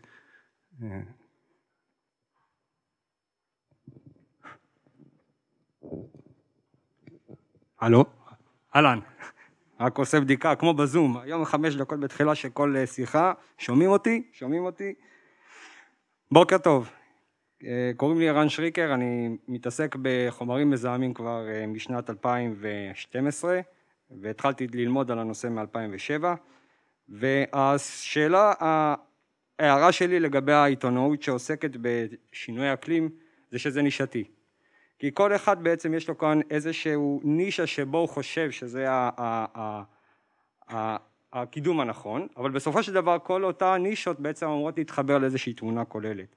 אז אני אשאל סדרה של שאלות ותענו לי אתם ברשותכם, אתם לא חייבים לענות רק כדי להנהן אפילו זה גם מספיק טוב, לראות בעצם איך להעריך את המצב הנישתי כאן בחדר הזה, כי זה מאוד מעניין דרך אגב עם הפסולת חד פעמית שיושבת שם על השולחן, האם זה פסולת טובה או לא, כי סך הכל היא שירתה אתכם באיזושהי מטרה לשתות באופן לגיטימי ומים כמובן זה חשוב לכולנו.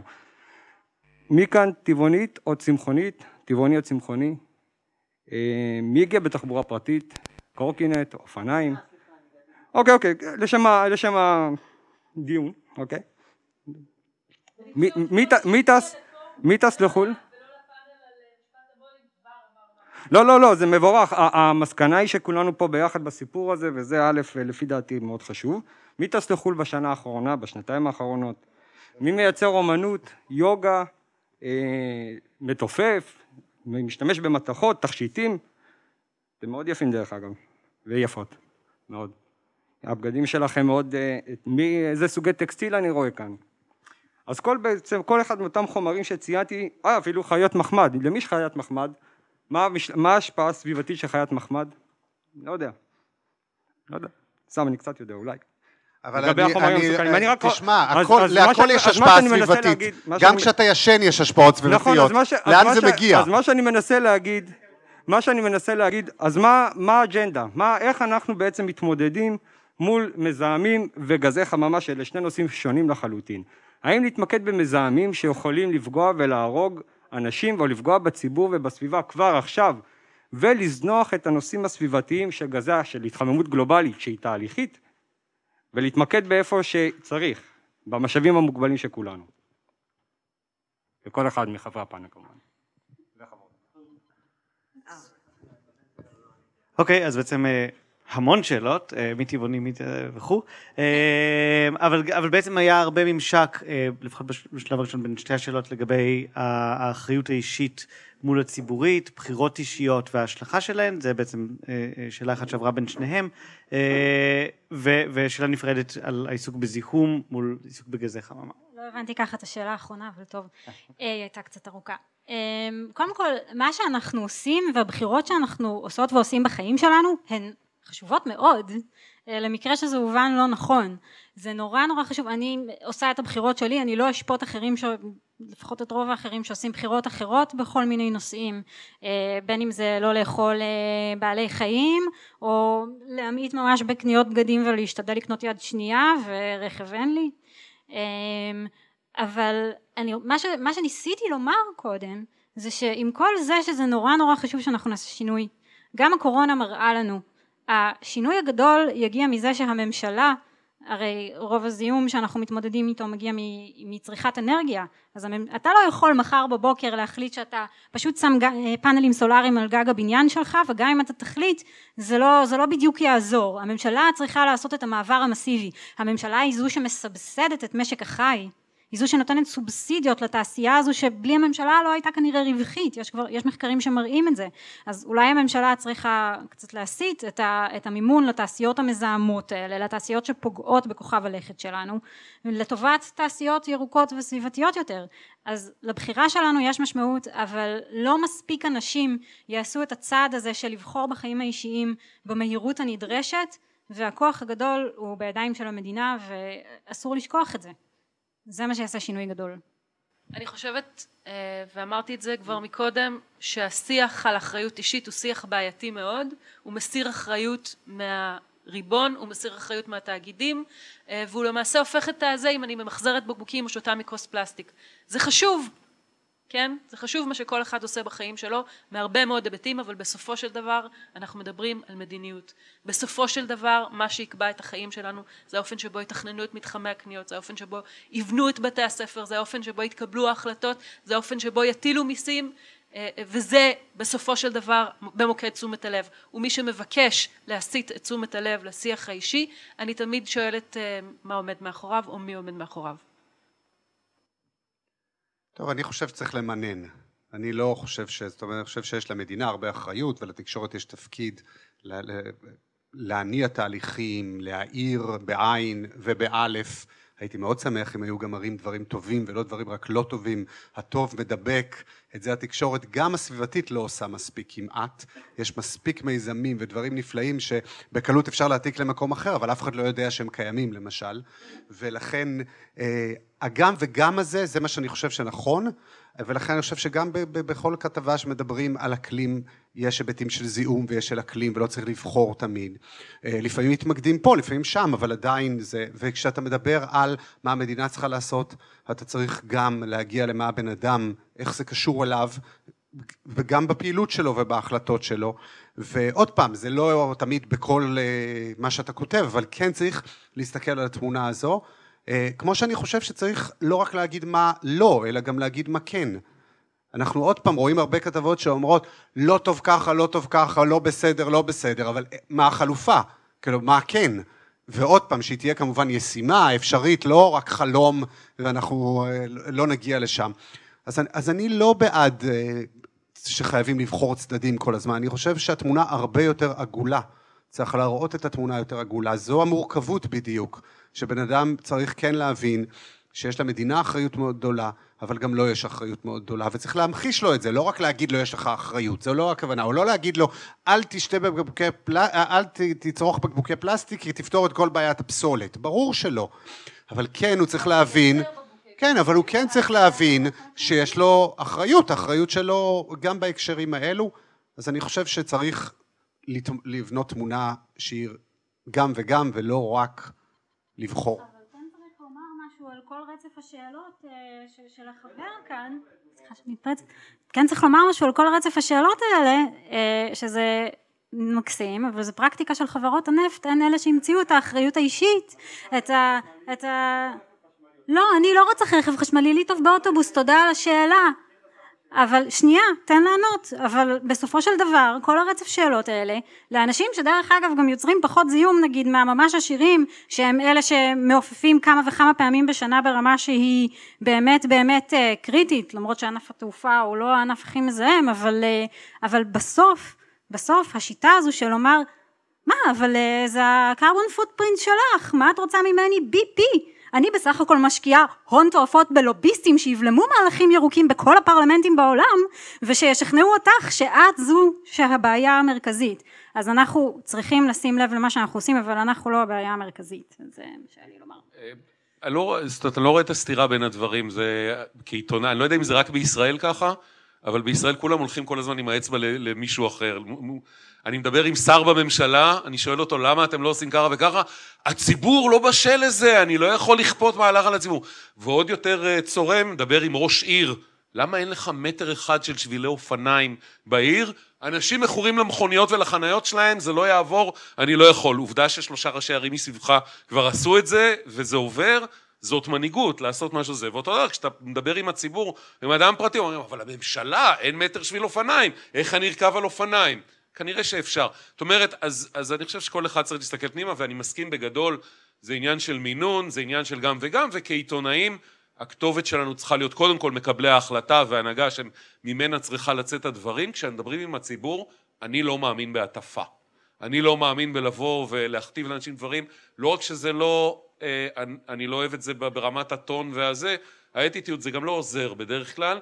דוגמה טובה שהרגזתי פעם פעמיים בכנסים או באירועים של טבעונים, אני טבעוני, אבל אני לא חושב שיש טעם שטבעונים נכנסים לצלחת של אנשים ומתחילים לצעוק עליהם ולהטיף להם וזה מגיע למריבות בארוחות משפחתיות וכל מיני דברים כאלה ואז אני אומר לחבר'ה הטבעונים אוקיי סבבה פה בחדר פה באולם אף אחד מאיתנו לא אוכל בעלי חיים אנחנו נורא יפים ומוסריים וירוקים אבל עכשיו לכולנו בכיס יש את זה נכון?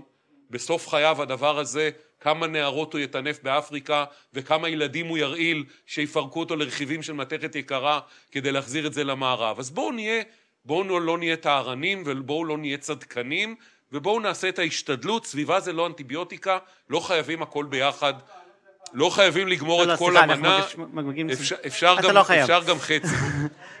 לא, לא, אז עוד, עוד חמש דקות יש הפסקה ותוכל להגיב שם. בסדר, אז, אז נלמד אותם אחר כך, אני מצטער, אנחנו מגיעים לסיום. לא, אני לא אקשיב. טוב, אה, אנחנו מגיעים לסיום. ידידי, בבקשה, תכבד את כל האנשים פה שבאו לשמוע את האנשים האלה, בסדר? אז תשמע בהפסקה, אתה יכול לבוא ולשאול. כאילו, פעם הבאה נזמין אותך כדובר, תוכל להסביר את הדברים, אין שום בעיה. בסדר, אז תשאל את הדברים בהפסקה, אין שום בעיה. אני רוצה שאלה אחת לסיכום. אה, נשארנו ממש אה, שתי דקות לסיכום, אז, אז שאלה ככה זריזה. באחד מהפודקאסטים החביבים עליי בתחום האקלים, אה, How to Save a Planet, אה, סוגרים כל ראיון ב- בשאלה How screwed are we? כאילו, עד כמה המצב נוראי, עד כמה בעצם כבר מאוחר מדי, ועד כמה יש תקווה. אה, אני- אישית תמיד מחפש את הצד של התקווה בכל אופן. השאלה הזאת גם לגבי המצב של האנושות ואסון האקלים, וגם לגבי התקשורת הישראלית. כאילו, עד כמה המצב דפוק, עד כמה יש תקווה, אה, במשפט שניים כל אחד, ונסיים בזה. אביב, עכשיו אתה בורח, אה? טוב, קודם כל אני בן אדם אופטימי, אז אני חושב שיש תקווה. ואני לא מאמין גם בלבוא ולהגיד העולם נחרב, כי אם נחרב נשתה נאכל והכל בסדר, כי מה אכפת לנו. לגבי, אני אתחיל בחלק הפשוט יותר, לגבי העיתונות, אני חושב שהיא מתקדמת, הולכת למקום הנכון, שוב, כי זה מעניין יותר אנשים, וזה זה ביצה ותרנגולת, יש את זה יותר בעיתונות, יותר נחשפים לזה, זה יותר מעניין, וכן הלאה, ואני רואה שזה קורה יותר, ויותר מדברים על הנושאים הסביבתיים, האקלימיים, על האישיים והציבוריים וכדומה. לגבי לאן העולם הולך או לא זה, אני לא מאלה שכן, שחושבים ש... אנחנו הולכים לחרב מחר או בעוד עשור או בעוד אה, זה. יהיו כנראה שינויים כאלה ואחרים מרחיקי לכת, משמעותיים, שישפיעו גם על החברה האנושית, היא תשתנה, היא תהיה חייבת להשתנות כי לא תהיה לה ברירה, המשאבים יהיו אחרים, האופן להשיג אותם, יקרו דברים, יקרו, הרי זה מה שקורה במהפכות, זאת אומרת קורים דברים בשטח וזה מוביל את החברה לשינויים תרבותיים, טכנולוגיים, הכל יקרה עוד פעם, אולי פשוט נרשום את המהפכה הבאה פשוט, כן, אחרי המהפכה האנושית והמהפכה החקלאית והמהפכה התעשייתית שאנחנו עוד במהלכה, אז אולי נרשום איזה מהפכה חדשה שאנחנו מתחילים אותה עכשיו, זה מה שאני חושב שיקרה, אני לא חושב שתיעלם האנושות, או שבטח לא שהכדור הזה ייעלם. כל אלה שכותבים כדור הארץ אה, ימות, ייעלם, אה, זה לא יקרה כנראה. נכון. אה, קודם כל, כל כתבה אני מתחילה בדיכאון. לא יכול להיות, המצב כל כך גרוע ומה ישנה את זה. בדרך מה שמעודד אותי זה אנשים, כמו למשל פרופסור וולפסון, אה, ועוד הרבה אנשי סביבה אחרים שיוצא לי לדבר ולראיין אותם ולקבל מהם הרבה תקווה. אה, אבל גם יש איזה סיפור קטן, לא יודעת, יש לנו זמן? לא, משפט שניים. משפט שניים. אני, אני, אני אגיד את זה במשפט שניים, היה איזה סיפור מאוד מאוד קטן שכתבתי, אה, כתבתי אותו שוב ושוב ושוב ושוב על עולמות הגגות הירוקים. אה, ודיברתי גם, ראיינתי חבר, את אה, חבר הכנסת מקלב על זה, ו... זאת אומרת, ידעתי שמה שצריך זה תיקון חקיקה, ידעתי שזה לעולם לא יקרה, ואיזה ערב אחד ככה בבית, סוף יום, אני מקבלת לטלפון סרטון של מקלב אה, אה, בוועדת הכלכלה מדבר על זה שהוא אה, עומד לקדם תיקון חקיקה לנושא הזה, אני, אה, מתכת... הדובר שלו שולח את זה ואני אומרת וואלה, לא, לא ידעתי מה, למה זה, אז הוא אמר בזכות הכתבות. אז... אה, ואז הכנסת התפזרה לא, זה היה עכשיו, זה היה עכשיו. זה היה עכשיו. אני מקווה שהיא עוד לא תתפזר. אמ, אני רוצה לומר שברור שיש תקווה, אחרת למה אנחנו פה? למה, למה לנו לעסוק בזה ולא ללכת, אה, אתם יודעים, כל אחד לעבוד כאן אצל אה, אלה שבעצם באמת אצלם נמצא הכסף. אז מעצם זה שאנחנו פה ואנחנו עוסקים בזה יום יום, ברור שיש תקווה. זה גם הדבר המדעי, זה תחום שנשען על מדע. ובסוף המדע אומר לנו ברגע שאנחנו נאפס את פליטות גזי החממה שלנו אז אנחנו נוכל לחיות חיים טובים יותר, אנחנו לא, לא במצב אה, נורא, המצב הוא לא טוב, האנושות כבר אה, אה, גרמה לשינויים בלתי הפיכים בכוכב הלכת שלנו, אבל האנושות לא תיכחד, אנחנו מכחידים הרבה מינים בדרך אבל היא לא תיכחד, ואנחנו באמת יכולים להיות על מסלול לשינוי. לתקשורת יש תפקיד חשוב בזה ואני רוצה לומר שהתפקיד של התקשורת התקשורת נדחפת על ידי דמוקרטיזציה בסוף של התקשורת וזה אומר מצד אחד הרשתות החברתיות שרואים יותר אתם אם פעם עורכים היו אומרים זה לא מעניין את הציבור היום יש להם איזשהו תשקיף של מה מעניין את הציבור והם רואים ברשתות גם במה הציבור מתעניין ומה הוא חושב על הנושא הזה. אה, לא סתם יש הרבה טרולים ופייקים של, אה, של הכחשת אקלים איכשהו הם תמיד פייקים כמעט תמיד. אה, ו, ומצד שני יש באמת את התקשורת העצמאית ש, שזה שניכם למעשה, זה תקשורת שיש לה תפקיד מאוד חשוב ואני רוצה לומר שהיא גם דוחפת לדעתי לפחות את התקשורת המסורתית כי היא יותר אמיצה. יש לכם הרבה יותר, אתם אולי, יש גם פחות עניין של צנזורה עצמית או, או, או יותר את הדרייב הזה של אנחנו קטנים אז אנחנו צריכים להיות יותר נשכנים ולדעתי זה גם מניע בסוף את כלי התקשורת האחרים.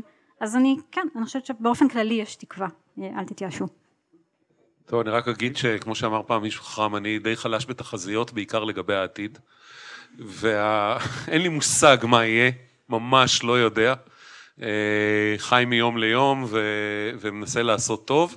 כל פעם שאני מתמלא פסימיות, אני מקשיב לכמה משפטים של דב חנין. האיש הזה, יש לו איזו אופטימיות בלתי מסתיימת, כאילו כל יום הוא קם בידיעה שמחר הבסטיליה תיפול, והעולם, והחומה תיפול, והעולם יהיה יותר טוב. מנסה לשאוב מזה קצת, אני באשר לי. אני חושב שבאופן כללי עיתונאים צריכים להתעסק אה, פחות בתחזיות, אה, כי לרובנו אין מושג, הייתם שואלים לפני שנתיים, מישהו מאיתנו ידע ששנתיים נתעסק עם איזה מגפה מטורללת שמשגעת את כל העולם ומשנה המון דברים, אנחנו לא יודעים גם מה יהיה בחודש הבא ומה בעוד שנתיים, אני בטח לא מתיימר. תודה רבה, תודה רבה לכולם, שוב אה, תודה לעין השביעית שארגנו, בית אריאלה שאירחו, אה, ותודה לכם.